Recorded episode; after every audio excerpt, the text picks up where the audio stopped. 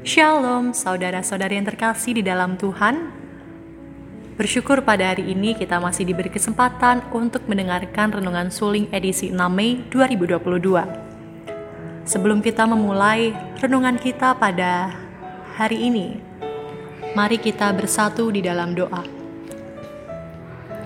Allah Bapa kami yang bertahta di dalam kerajaan surga, terima kasih Tuhan untuk berkat, kasih, dan penyertaan-Mu selama ini, sehingga hari ini kami masih bisa untuk menarikarkan firman dan renungan yang hanya daripadamu.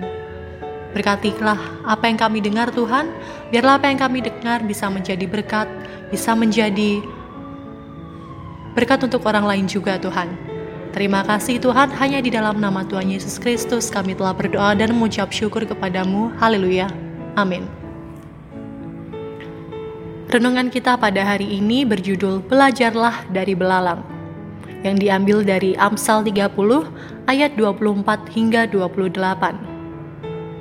Amsal 30 ayat 27 Allah berfirman, Belalang yang tidak mempunyai raja, namun semuanya berbaris dengan teratur.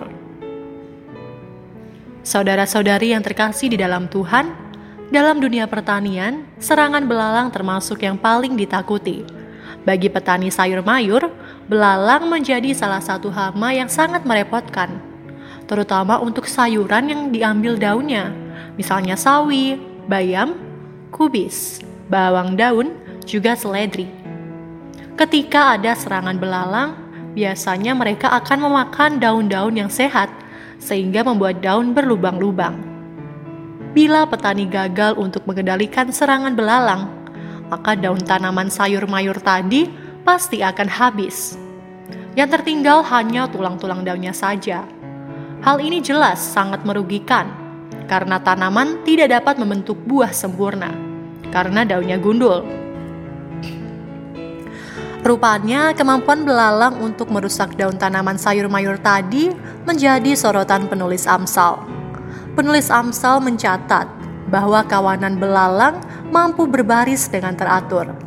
Akibatnya, apa yang tak habis dimakan oleh kawanan belalang yang ada di barisan terdepan akan dilanjutkan oleh kawanan belalang yang ada di belakangnya, sehingga tak ada lagi daun yang tersisa. Luar biasa, sekalipun tidak ada yang memimpin atau mengatur mereka, entah bagaimana kawanan belalang dapat mengatur diri sendiri dan berbaris teratur dalam bekerja. Keteraturan inilah yang membuat kawanan belalang memiliki kekuatan dahsyat ketika menyerbu lahan pertanian. Saudara-saudari yang terkasih di dalam Tuhan, di luar sisi negatif yang dihadirkan belalang bagi dunia pertanian, penulis Amsal ingin kita belajar dari kelebihan belalang. Pertama, dari belalang kita belajar tentang keteraturan. Karena keteraturan belalang bisa menyelesaikan pekerjaannya dengan cepat Demikian juga kalau kita ingin menyelesaikan pekerjaan dengan baik dan tepat waktu, kita perlu istirahat teratur, bekerja dan belajar dengan teratur, bahkan dengan teratur, serta memiliki kehidupan rohani yang teratur. Hal kedua yang dapat kita pelajari dari belalang, kita belajar tentang kerjasama dan bersinergi. Kita perlu belajar bekerja sama dalam tim tidak boleh egois atau hanya mencari keuntungan bagi diri sendiri, supaya kita bisa menyelesaikan pekerjaan pelayanan atau tugas-tugas kehidupan yang Tuhan sudah percayakan. Hidup yang teratur dan bisa bekerja sama dengan tidak egois, menolong kita menyelesaikan tugas-tugas kehidupan dan pelayanan dengan baik.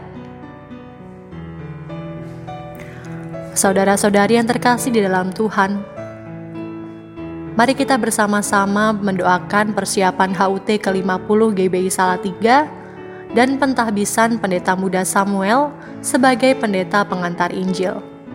Mari kita juga berdoa untuk segenap panitia, acara, dan kebutuhan dana. Demikian renungan kita pada hari ini. Kiranya menjadi berkat untuk kita semua. Tuhan Yesus memberkati.